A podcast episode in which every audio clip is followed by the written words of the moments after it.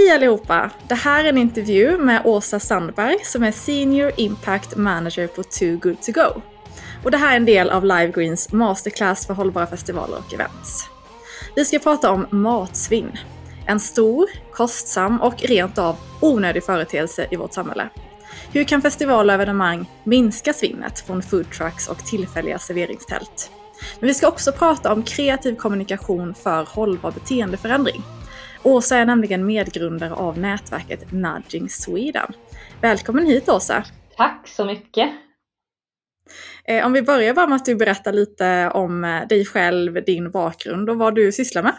Absolut, jättekul först och främst att vara här, verkligen. Eh, jag har ju eh, jobbat både med musik och event eh, en längre tid av min karriär så att det här känns ju väldigt varmt i hjärtat för mig. Ehm, jag kommer ursprungligen från Vargön, Vänersborg och har jobbat lite runt om i världen och började väl egentligen jobba med hållbarhetsfrågor 2014 då jag, precis som du nämnde, var medgrundare till Nudging Sweden. Och eh, anledningen till att jag började jobba med hållbarhetsfrågor var egentligen ett, ett, ett stort buntande varför som kom sig av att jag gjorde, jag var, jag var, jag var med och arrangerade ett stort eh, VM i Göteborg eh, och eh, det hette World Transplant Games, det gick 2011.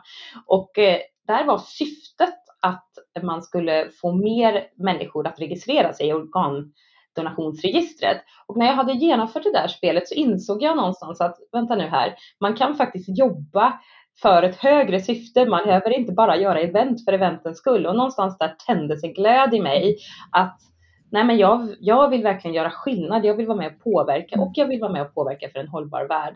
Så jag har jobbat med nudging som en metod för hållbara val. Jag har också jobbat på Coop med hållbarhetskommunikation och då också specifikt matsvinn. Och numera då är jag ju på Too Good To Go och jobbar med matsvinn där, vilket är fantastiskt.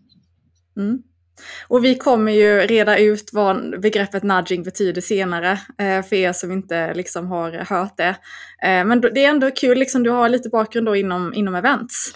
Eh, kan man säga då. Ja men precis och eh, jag, karriären började egentligen, jag har jobbat med mat väldigt länge. Allt från att börjat i snabbköp, liksom i kassan på ICA från att sedan gå hela restaurangkarriären eh, både, både i Sverige och internationellt. Men sedan grundade jag ju också ett eget eventföretag där vi jobbade mycket med företagsevent och uh, har jobbat också med Way Out West bland annat och, uh, och annat. Och har ju även tillsammans med dig varit, varit involverad i Artister för miljön. Så att det, där, det där är någonting som jag både har kunskap och erfarenhet av och brinner av att minska matsvinnet på just event och festivaler.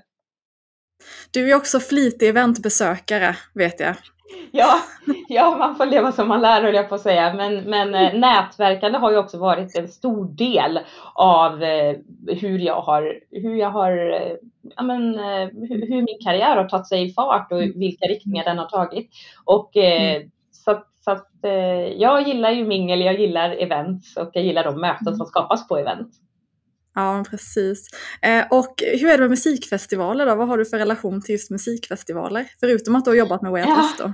Nej, men jag gillar ju musikfestivaler. Sen ska jag inte säga att jag liksom är en flitig festivalbesökare. För det, då, skulle jag säga det så skulle nog de flitiga festivalbesökarna säga att nah, du vet du vad. Men däremot så, jag har absolut varit på musikfestivaler och jag, jag gillar det verkligen. Dels så gillar jag alltså vad eh, alltså kulturen och hela det sammanhanget kan göra. Man är ju liksom i ett, i ett hållet space någonstans på den där festivalen. Man är i en bubbla. Man tittar, på, man tittar till exempel bara på Way Out West som egentligen är Slottsskogen, men i just de där dagarna bara transformeras till ett helt annat område och där alla där är liksom där för att uppleva, ha roligt, hitta sina favoritartister och verkligen dela någonting tillsammans. Och det skapar någonting eh, som, som jag upplever att liksom, man, man får inte det någon annanstans. Man får inte samma sak om man, om jag raljerar, bara går och tittar på en konsert.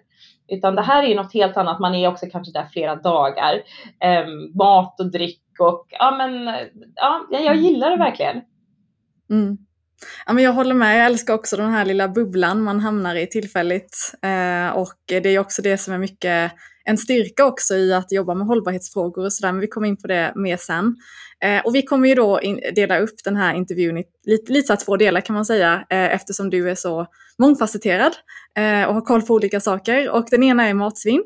Eh, och den andra är nudging och kommunikation. Eh, och vi börjar med matsvinn. Eh, du jobbar ju numera på Too Good To Go. Kan du börja bara med att berätta vad det är för företag och vad, vad ni sysslar med?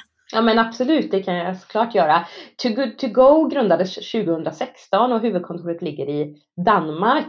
Och från det att man eh, grundade företaget där så har vi nu växlat upp och finns på 17 olika marknader, eller 17 olika länder, vilket gör oss till världens största matsvinnsföretag. Och eh, vi kallar oss för social impact-företag, det vill säga att där man inte bara tittar på vinst utan man också tittar på samhällsvinning. Och vad gör vi då? Men vårat hu vår huvudsakliga liksom, hjärta i företaget är vår matsvinnsapp där vi hjälper eh, restauranger, kaféer, mataffärer, det kan också vara hotell och kanske till och med festivaler, att, att rädda den mat som då inte har blivit såld genom att kunna lägga upp den på den här plattformen på appen och då kan appanvändare rädda den maten till en tredjedel av priset. Eh, och eh, det här man, den maten man räddar är ju då en överraskning för ett café eller en, en matkedja vet ju inte från i början av dagen vad de faktiskt får sålt. Så att eh, som appanvändare så köper man en överraskningspåse och blir överraskad av god mat. Eh, men till ett väldigt bra pris. Ja, ja. Men sen jobbar vi också mycket med annat. Vi jobbar med eh, både med skolor och vi jobbar med påverkan till de lagar och regler som faktiskt mm. ställer till det till att vi minskar matsvinn företagssamarbeten och till syvende och sist hushållskommunikation, det vill säga att inspirera hushåll där mm. faktiskt det största svinnet sker, alltså du och jag. Det är vi som är, vi som är bovarna. Det tror man ju kanske inte. Man, man tycker att det är stora mängder i dagligvarukedjan till exempel, men, mm. men eh, mm. det, det, är hemma som, som det faktiskt mm. sker mest. Mm. Ja, det är klart. Ja, men låter som ett eh, grymt företag att jobba på, liksom det här att det både är faktiskt en konkret tjänst som ger ett värde för många. Eh, men också liksom att jobba med påverkan och projekt och sådär. Liksom. Det låter, låter grymt. Ja, men det som är spännande tycker jag, när jag började på Too Good To Go, det är nu två år sedan ungefär, då var vi totalt, alltså vi var tre i Sverige, nu är vi 20. Vi var 600 anställda i, runt om i världen, nu är vi över 1300.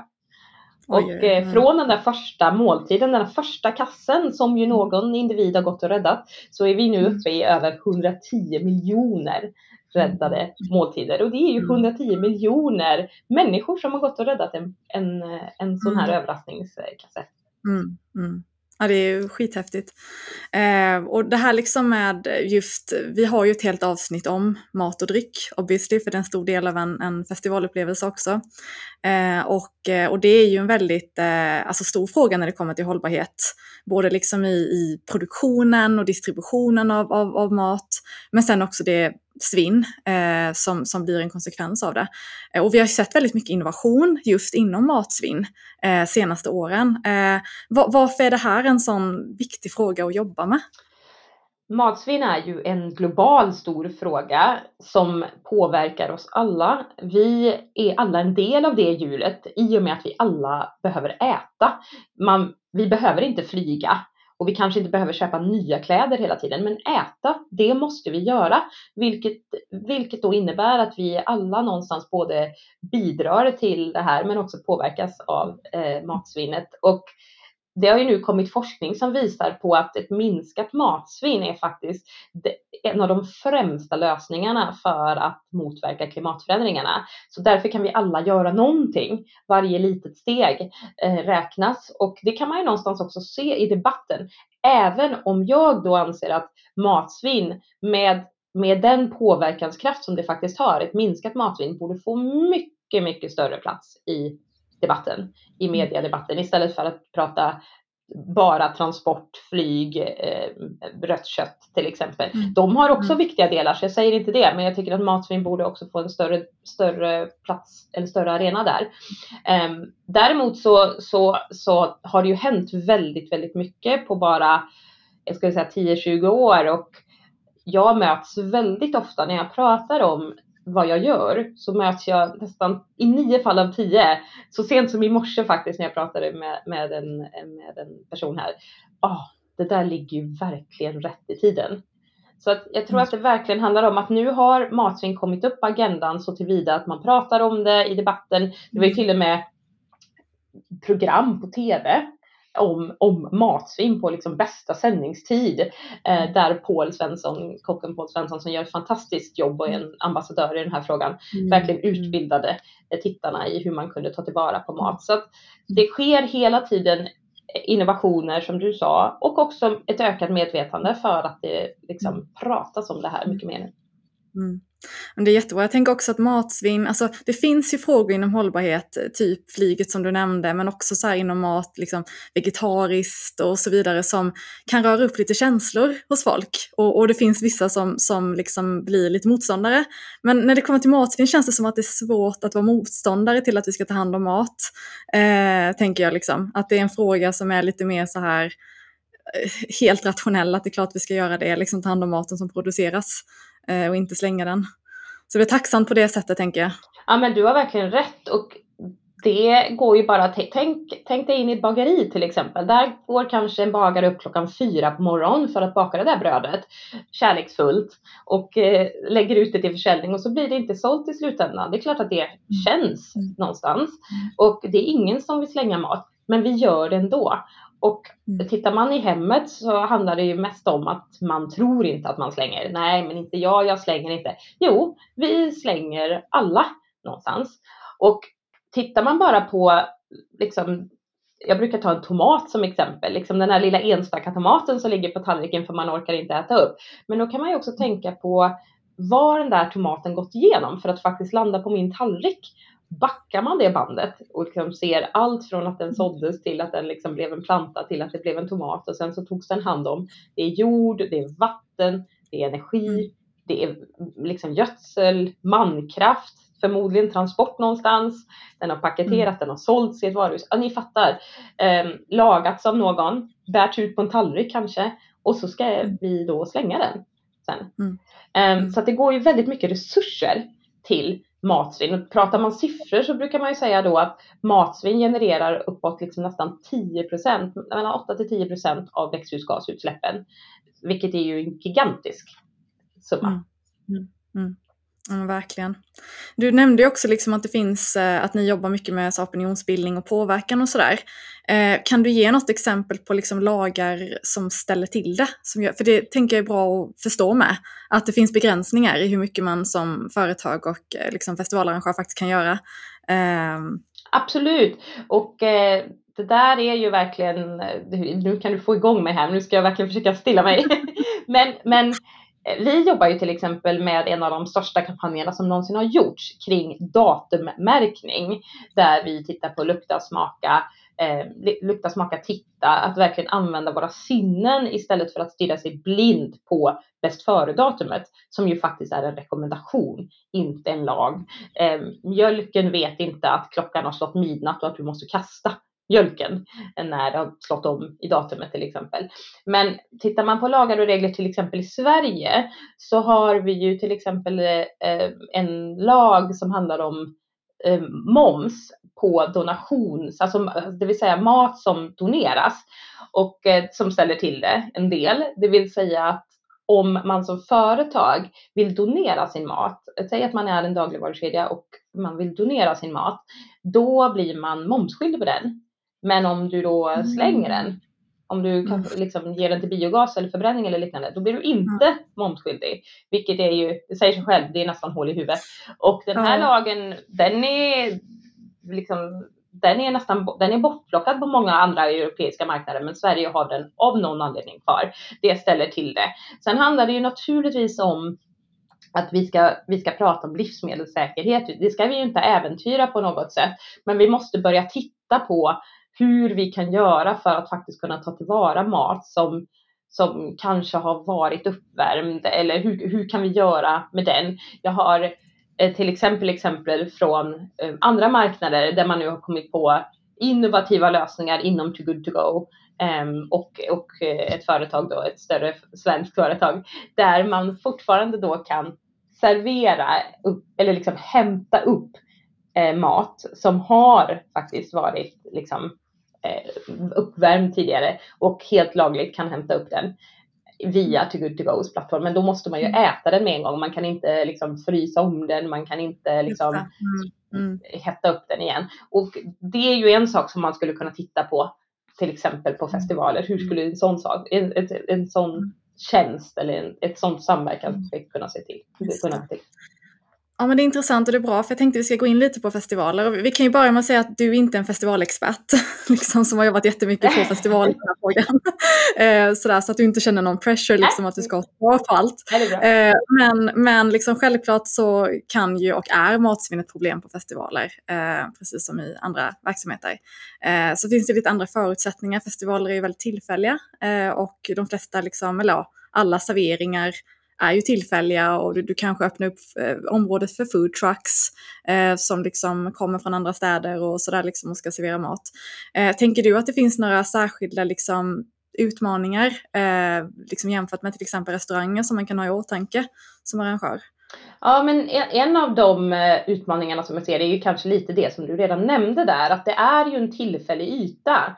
Ehm, en restaurang som kanske ligger jag befinner mig just nu själv i Stockholm. Om man tittar på att restaurangen ligger mitt, mitt i centrum, liksom, då är det mycket lättare för en restaurang att på något sätt få in återkommande kunder som kanske kan hjälpa till att minska svinnet eller, eller ja, på något sätt sälja ut det eller liknande. Det är inte lika kanske lätt för en, ett festivalområde eller en foodtruck på ett festivalområde eftersom det är så pass tillfälligt som det är. Och jag tänker också att det förmodligen då är begränsat med yta i en food truck kontra till exempel en stor restaurang um, som inte ligger på festivalområdet till exempel. Att man kanske inte har lika stora möjligheter att ta hand om det som då blir svinn, för man kan inte förvara det på något sätt.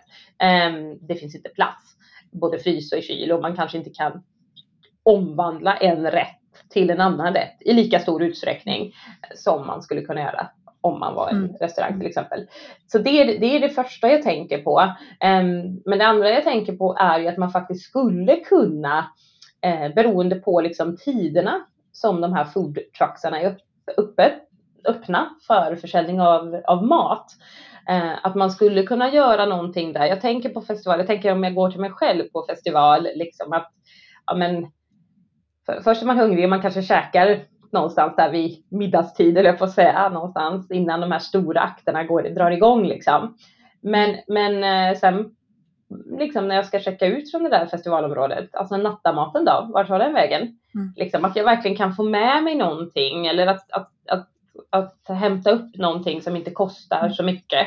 Att kunna jobba med matsvinnet på det sättet det. och, och medvetandegöra hela tiden att det faktiskt går att, att jobba ihop, att både foodtrucken och festivalbesökarna faktiskt, eh, mm. faktiskt jobbar tillsammans. Sen tänker jag också generellt att och, och, igen, du sa det ju, du sa ju faktiskt att jag är inte någon festivalexpert där på något sätt, men min tanke är också, vi jobbar mycket med samverkan på Too Good To Go och där tänker jag också att de här liksom olika aktörerna på ett festivalområde som just jobbar med mat, hur ofta behöver de liksom fylla på med varor. Mm. Kan man någonstans liksom hitta ett samskapande där att okej, okay, men här har det blivit över. Kan någon använda den någonstans på festivalområdet och göra någonting med det? Man kanske till och med ska ha en liksom matsvins food truck på ett festivalområde mm. som just jobbar med att ta hand om olika liksom, eh, rester, höll jag på att säga, från andra food trucks och mm. jobba med det. Ja, det var en jättebra idé. Verkligen, det tror jag skulle bli populärt också faktiskt. Jag skulle gå dit såklart. ja, verkligen. Ehm, men eh, liksom, det var ju verkligen här, lite konkreta tips. Eh, har du några andra tips om man vill jobba proaktivt eh, med att liksom planera för att det inte ska bli för mycket matsvinn. Vad, vad, vad, vad, kan man göra då?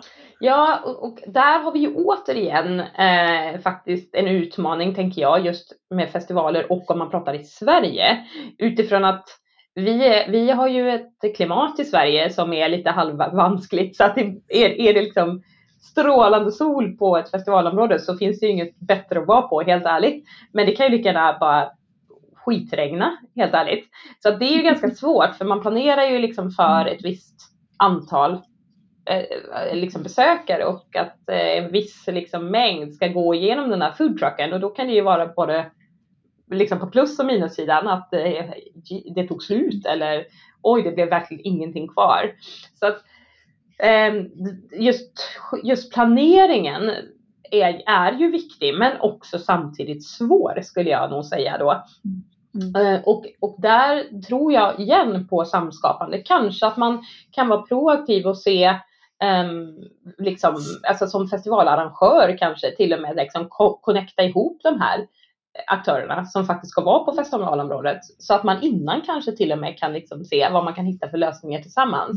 Mm. Eh, skulle det liksom, behöver vi köpa in så här mycket kokosmjölk eller vad vi nu skulle säga för någonting, korvbröd eller vad, vad det nu kan vara för någonting som serveras, ris. Eh, eller kan vi liksom ha en gemensam pott på något sätt? Kan man jobba proaktivt på det sättet? Mm. Um, och sedan naturligtvis också jobba med doggybags, tänker jag direkt då, mm. utifrån nattamatslogiken, att, att någonstans försöka sälja ut eller skicka med eh, för mm. ett billigare mm. pris då. Och det kan ju vara att det blir Säg att festivalen är en fredag till söndag, då kanske det är söndag det där gäller. Att man faktiskt kan använda maten fram till på söndag på något sätt.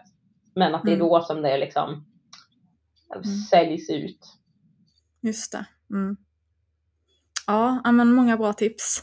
Eh, jag tänker också i princip alla festivaler och event eh, behöver ju liksom samarbeta med olika matleverantörer. Eh, och det kan vara väldigt olika, det kan vara liksom från små matförsäljare som kommer med sina tält och foodtrucks till liksom att man bygger upp mer omfattande restauranger och barer. Och ibland sköter man det själv, men ofta är det liksom andra som kommer in och säljer maten på festivalen. Eh, och då blir ju arrangören, alltså den enskilda arrangörens inflytande lite begränsat. Eh, och då tänker jag så här, du som är både liksom jobbar med matsvinn och kommunikation, eh, vad kan vi göra liksom för att påverka och kanske framförallt hjälpa externa försäljare liksom att ta ansvar i matsvinnsfrågan? Det är en jättebra fråga du ställer och där tror jag verkligen på alltså ledarskap i festivalledningen till att börja med, liksom att man verkligen har tagit det som riktning själv.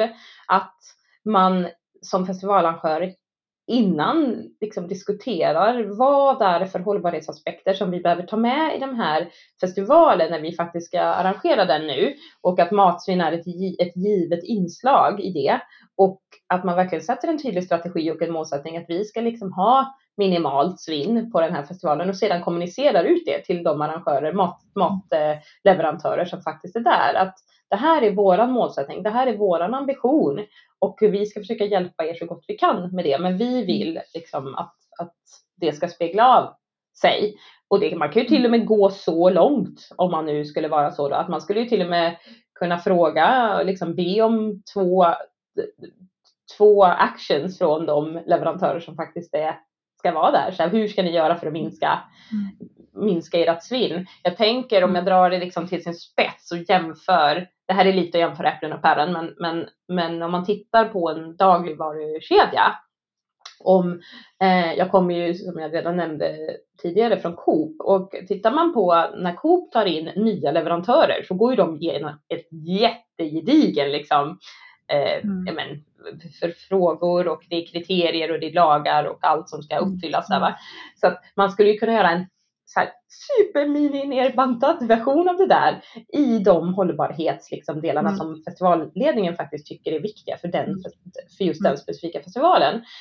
Så, mm. att, så att där skulle jag säga både att man kommunicerar att det här är en hållbar festival och hur ska det, vad, vad har vi då för syn på våra leverantörer och vad vill vi att de ska göra? Det tror jag. Men också att kommunicera på festivalområdet. Att mm. det är både kommunicerat internt, det är kommunicerat externt. Eh, så att man också skapar ett medvetande hos de mm. eh, besökare som faktiskt är där. Att de mm. förstår att de har också ett ansvar. Mm. Precis. Ja, för det är också en målgrupp som man behöver kommunicera med. Eh, definitivt. Alltså finns det någonting man kan göra när det kommer till typ så här portionsstorlekar och sånt? För det, det har jag ibland tänkt på liksom att det är så alltså bisarrt, för alltså, människor äter olika mycket men portionsstorleken är alltid samma.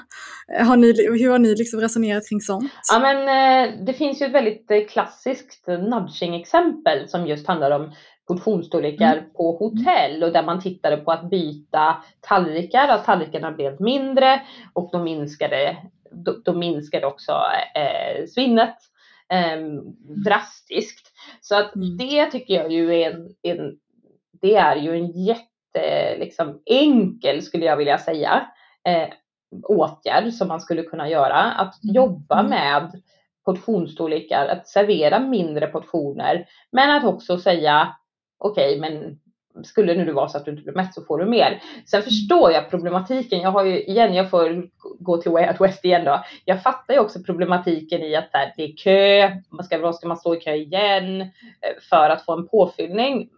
Men, mm. men, eh, men eh, jag tror ändå liksom att man tittar på de liksom klassiska restaurangområdena liksom som kanske inte är, vad ska jag kalla det då, där det faktiskt är restauranger. Det finns ju eh, tycker jag att jag sett mer och mer på festivalområden. Där kanske man skulle kunna göra det, där det inte är lika lång kö, man sitter faktiskt ner och äter maten. Det är inte bara att står upp rakt upp och ner, utan man sätter sig ner och man mm. käkar och man tar en break. Liksom. Där mm. tänker jag absolut att man skulle kunna jobba med mindre portionsstorlekar för mm. att eh, minska svinnet. Det är en jättebra mm. poäng du gör och, och ett enkelt verktyg skulle jag säga.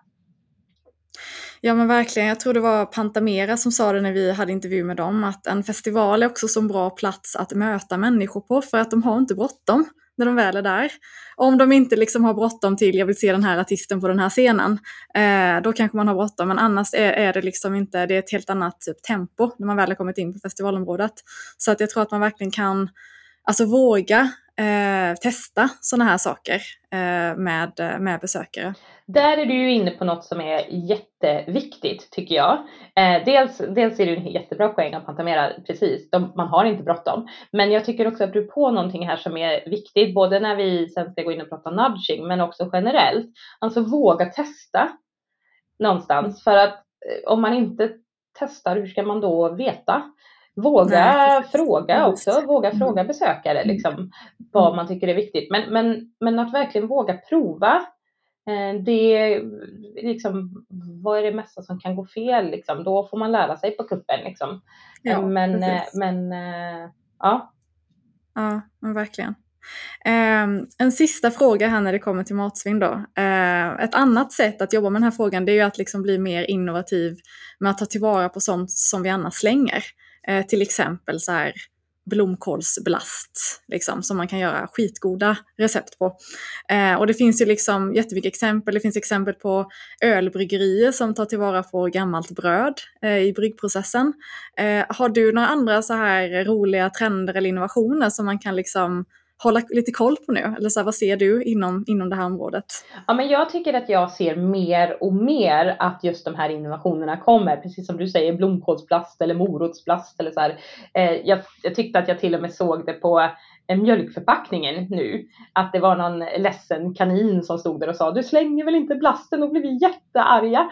Liksom. Alltså det, det, det, tar sig ju liksom mer och mer in i våran vardag skulle jag säga. Och sedan tycker jag att trenderna också handlar om att att förstå vad människor är i sin vardag. Det vill säga att det måste ju vara enkelt att göra de här grejerna, att inte liksom behöva lägga månader på att det ska odlas något. Visst, det finns absolut en sån målgrupp, så det ska jag inte säga något om, men, men jag menar man i den stressiga vardagen, liksom, att det ska vara enkelt att, att, att göra de här grejerna. Och jag tänker direkt på bröd till exempel, att, att ja, men, frys eller liksom gör krutonger av brödet eller liksom fattiga riddare. Alltså, det, det är ju enkla tips och tricks med mat som vi redan mm. har köpt hem. Och jag tror mm. att det handlar mycket om att liksom ställa om ett mindset. Att förstå att, um, att när det börjar, liksom om bananen blir lite, lite prickig eller vad det nu kan vara, blasten börjar hänga, att verkligen inte se det som skräp utan se det som en skatt. Det är ju en skatt. Det är ju fortfarande råvaror som du faktiskt kan göra någonting med. Och märk väl, som du faktiskt har betalat för.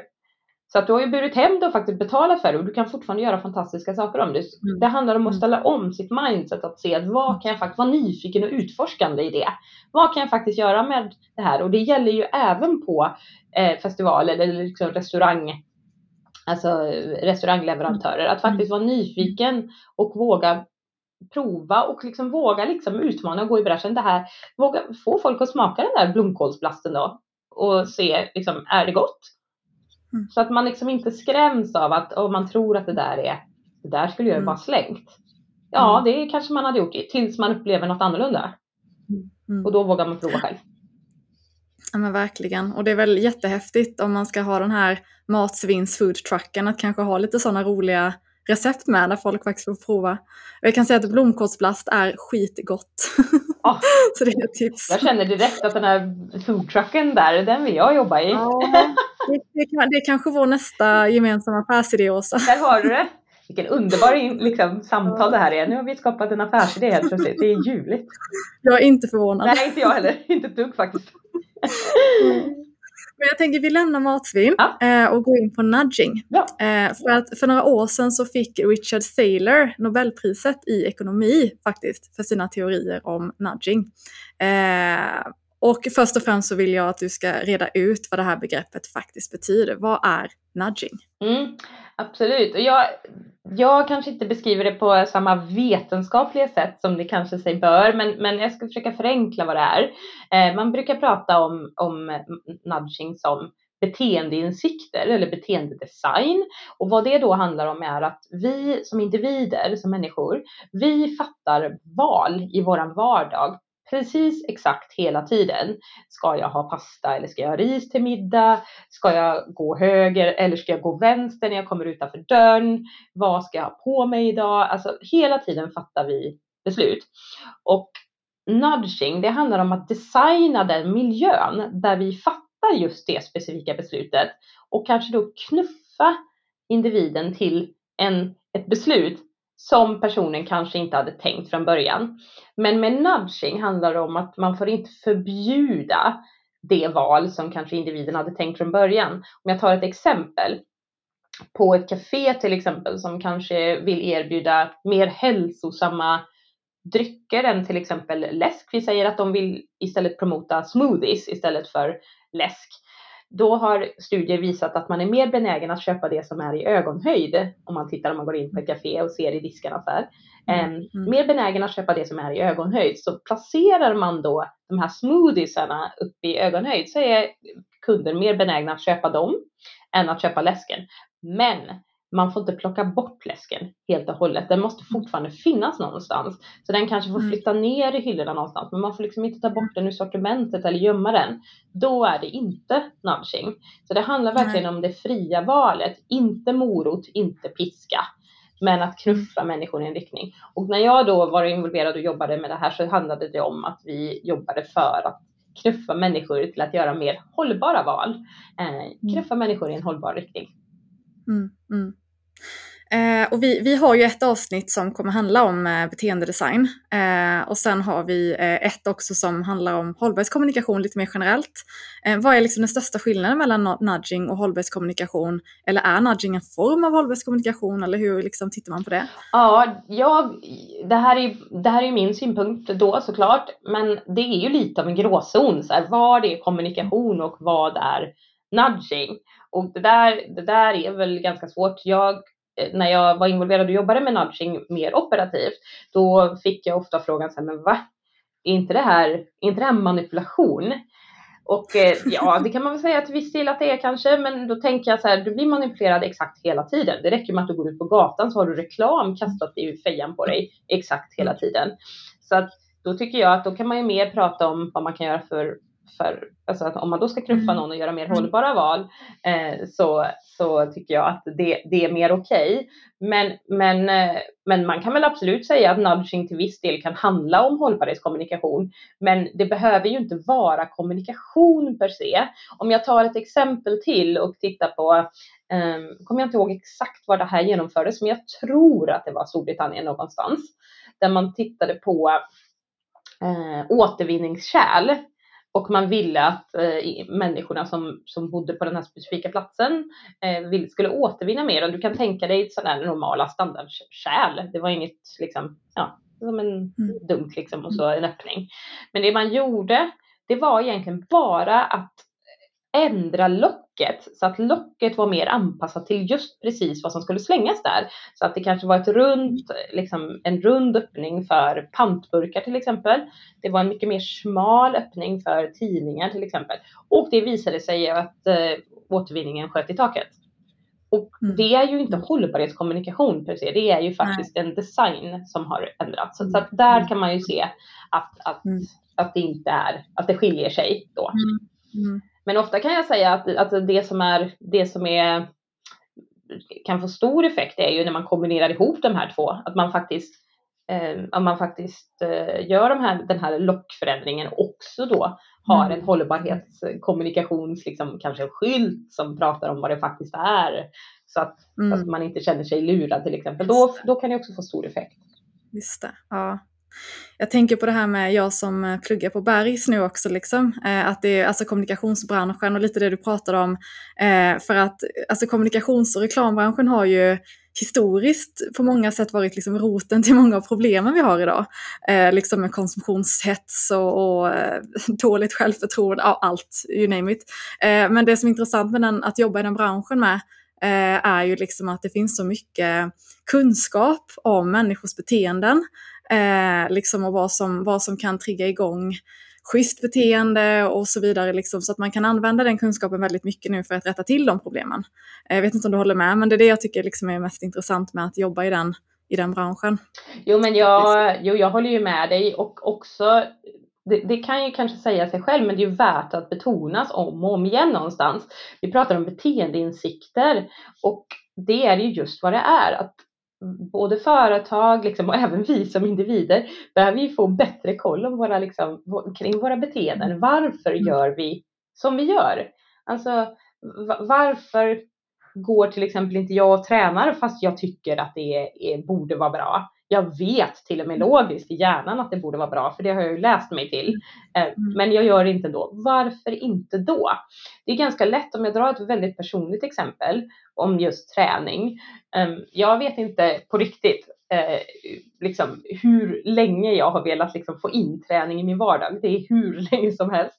Jag vet ju också för att jag är, liksom, är normalt liksom, påläst att träning är bra för alla möjliga olika kriterier. Um, men så går jag inte och tränar och så gjorde jag verkligen en ansats för några år sedan att nu, nu ska jag göra det här. Och vad var det första jag gjorde då? Vad tror du var det första jag gjorde? Om jag frågar dig. Vad tror du, vad tror du jag gjorde? Det första du gjorde när du skulle gå och träna? Nej, när jag bestämde mig för att så här, nu ska jag verkgen, nej nu måste jag köra igång ändå. Vad tror... Skaffa ett gymkort? Eller det kanske du redan hade? Nej, det hade jag inte. Och det var precis vad jag gjorde. Ja. Jag skaffade ett gymkort, helt rätt.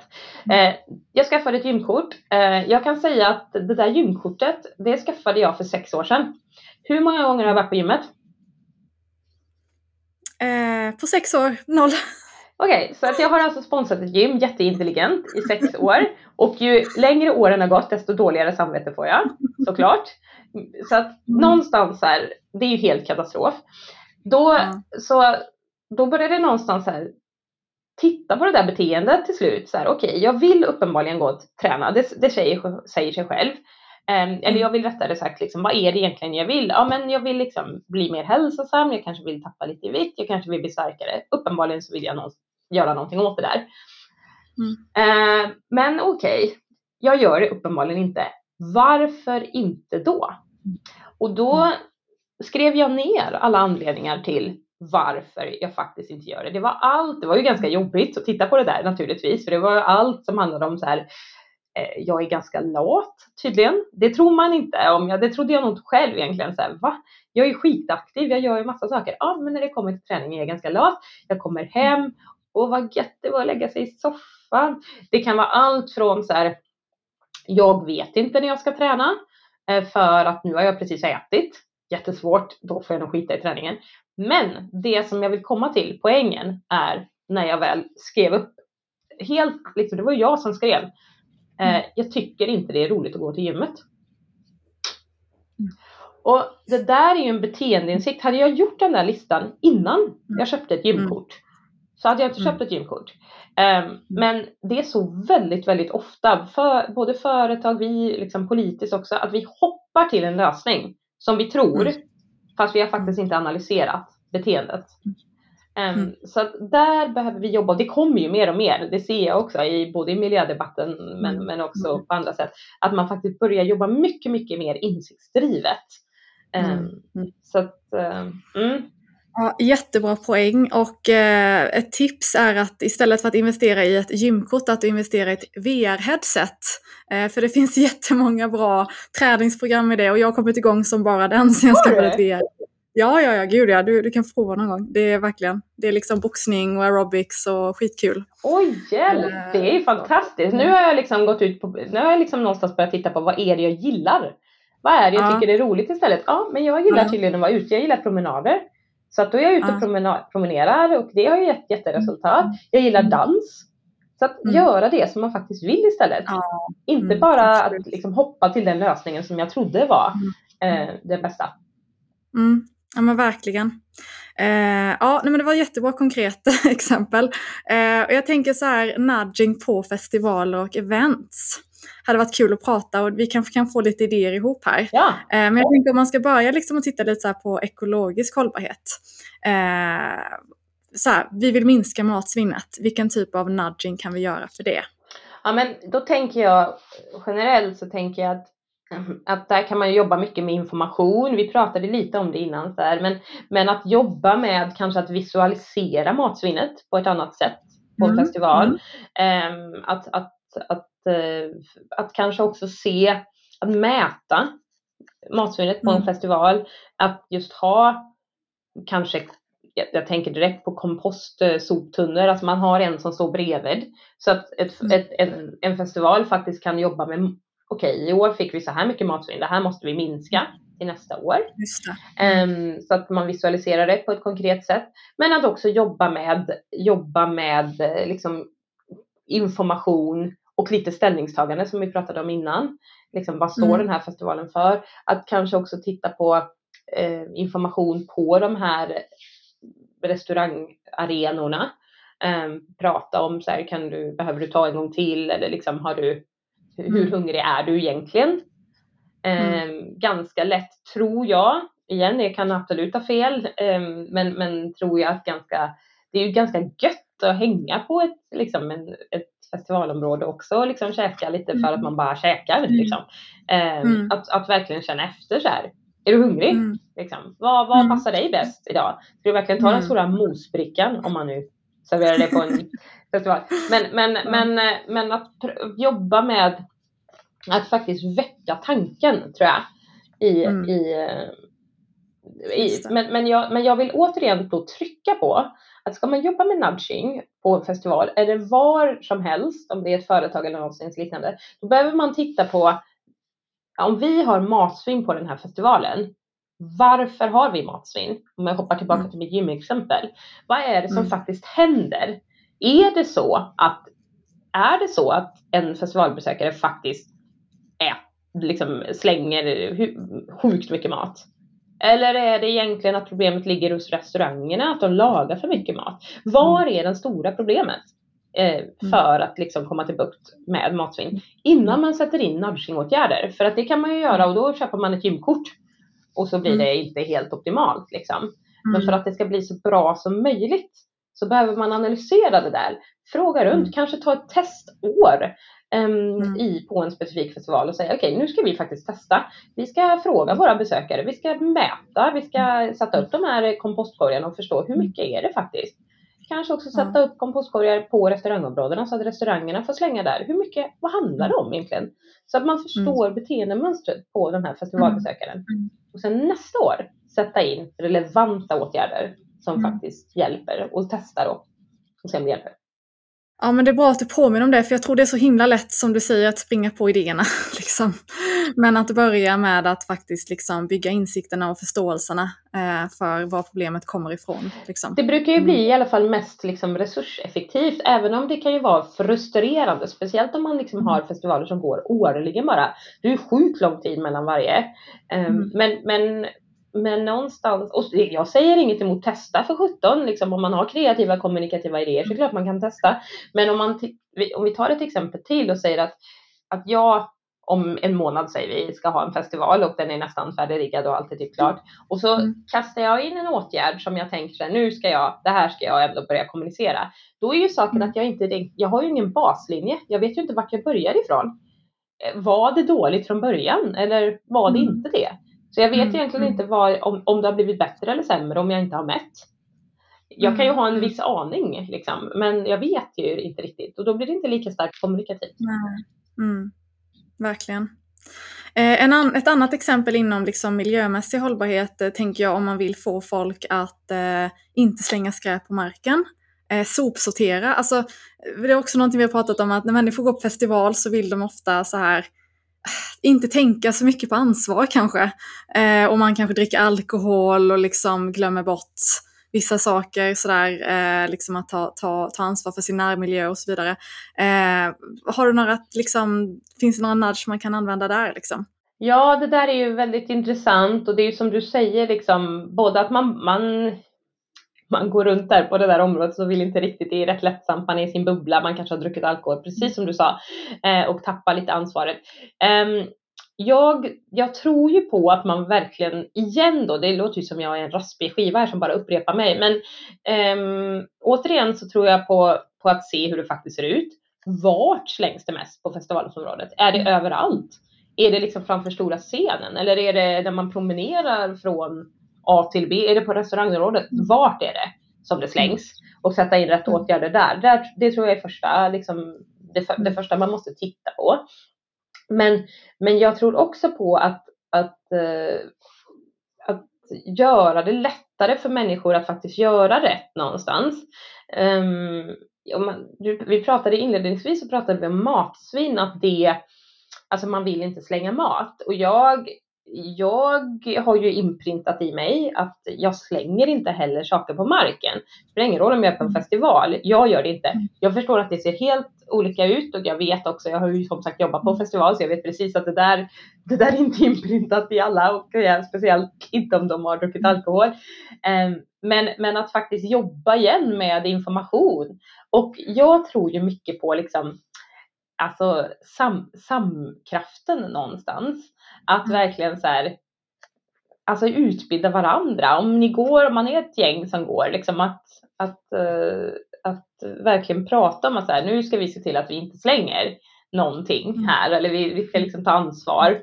Att man verkligen jobbar med det på ett positivt sätt, ett kommunikativt mm. positivt budskap eh, som gör att så här, ja men min kompis slänger inte någonting på.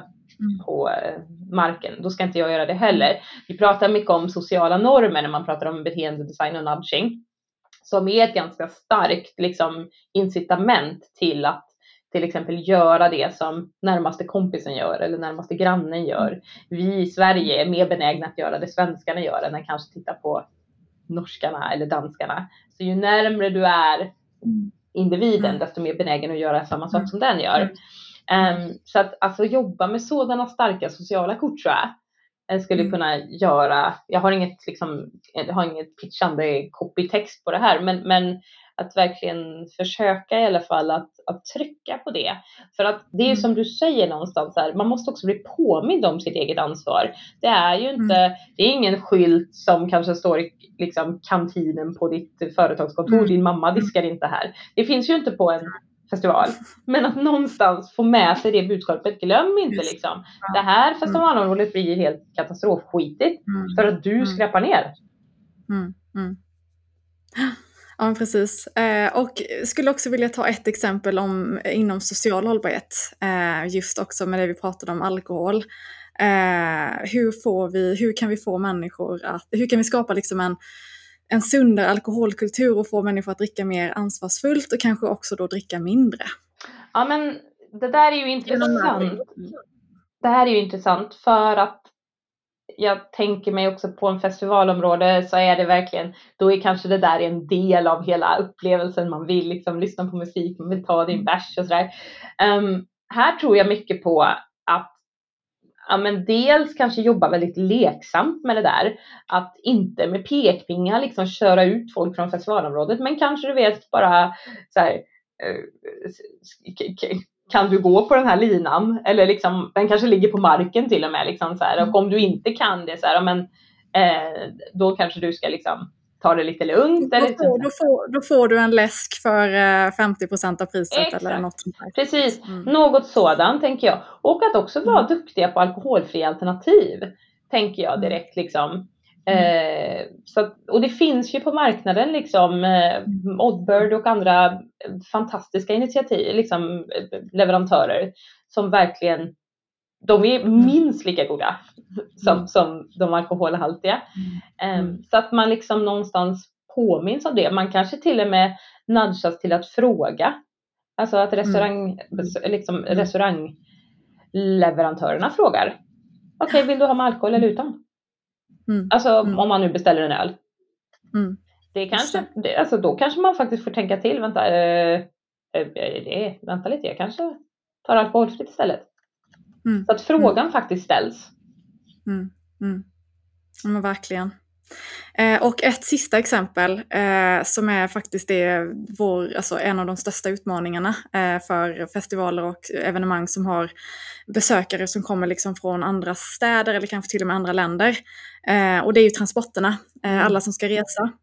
Eh, och liksom om jag vill få mina besökare att åka liksom så hållbart som möjligt. Det kan vara att samåka eller att eh, åka liksom med kollektivtrafik.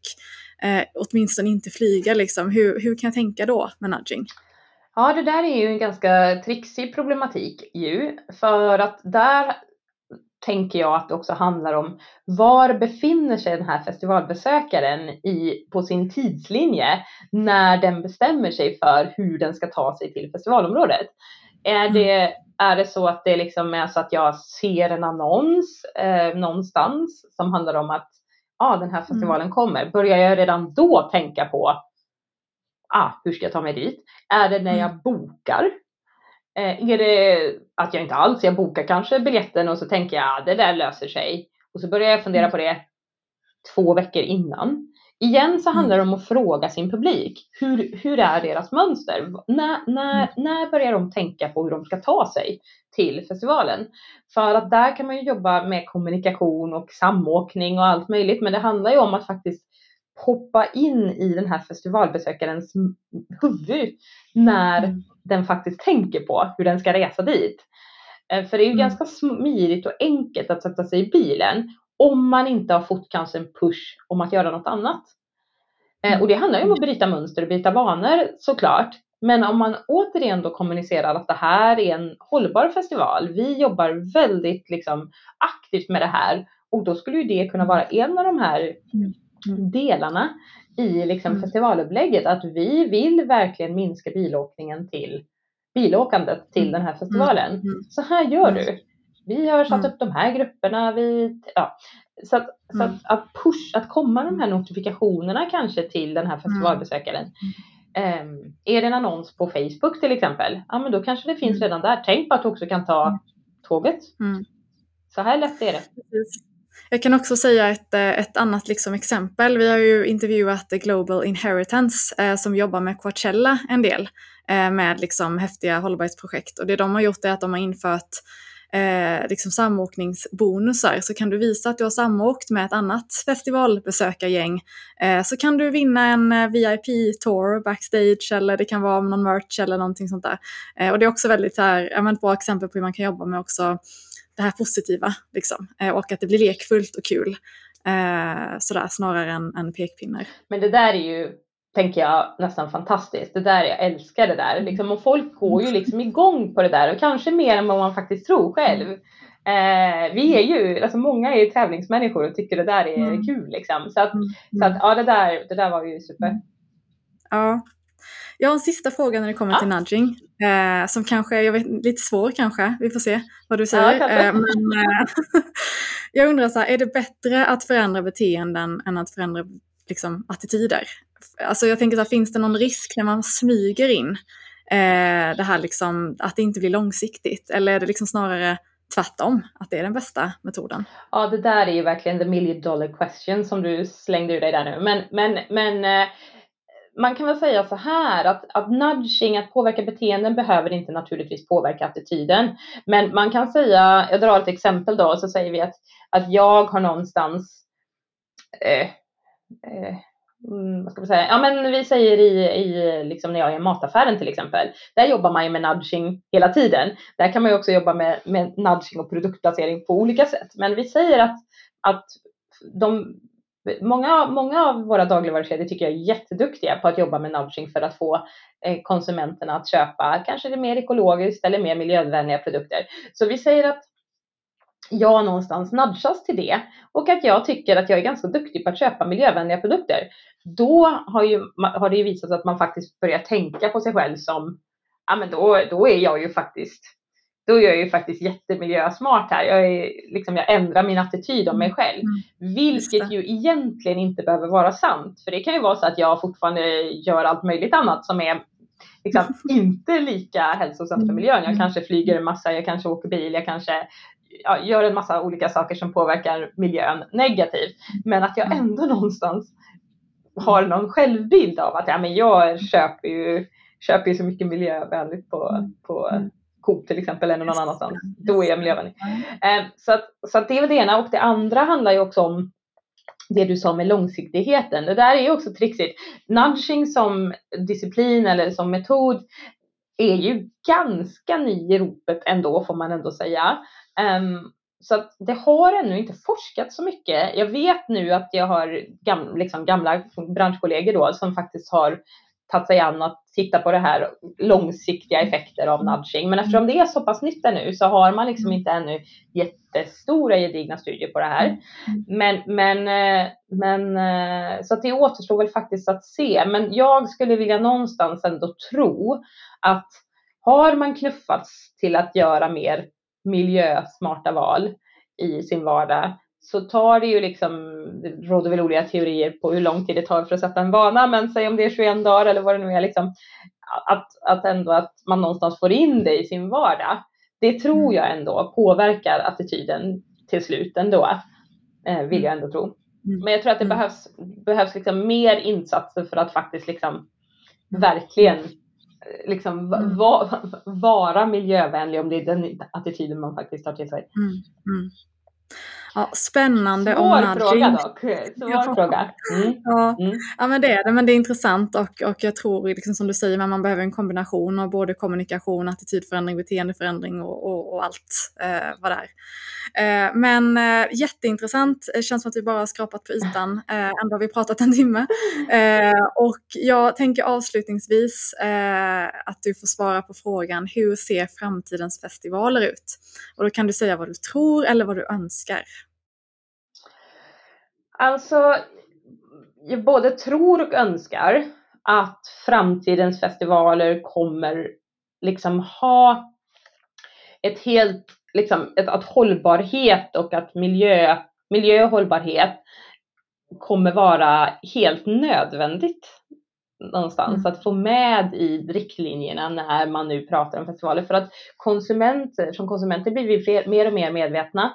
Eh, kanske är det även så att, att inte nödvändigtvis säger jag, men att, men att festivaler kanske attraherar en lite yngre målgrupp. De kommer ju som en svallvåg här nu liksom med, med insikter och kunskap om hur det bör vara. Så att jag tror att festivaler kommer behöva jobba mycket, mycket mer med både matsvinn och hållbarhetsfrågor generellt skulle jag säga. Sen är många duktiga, men det går att göra mycket, mycket mer.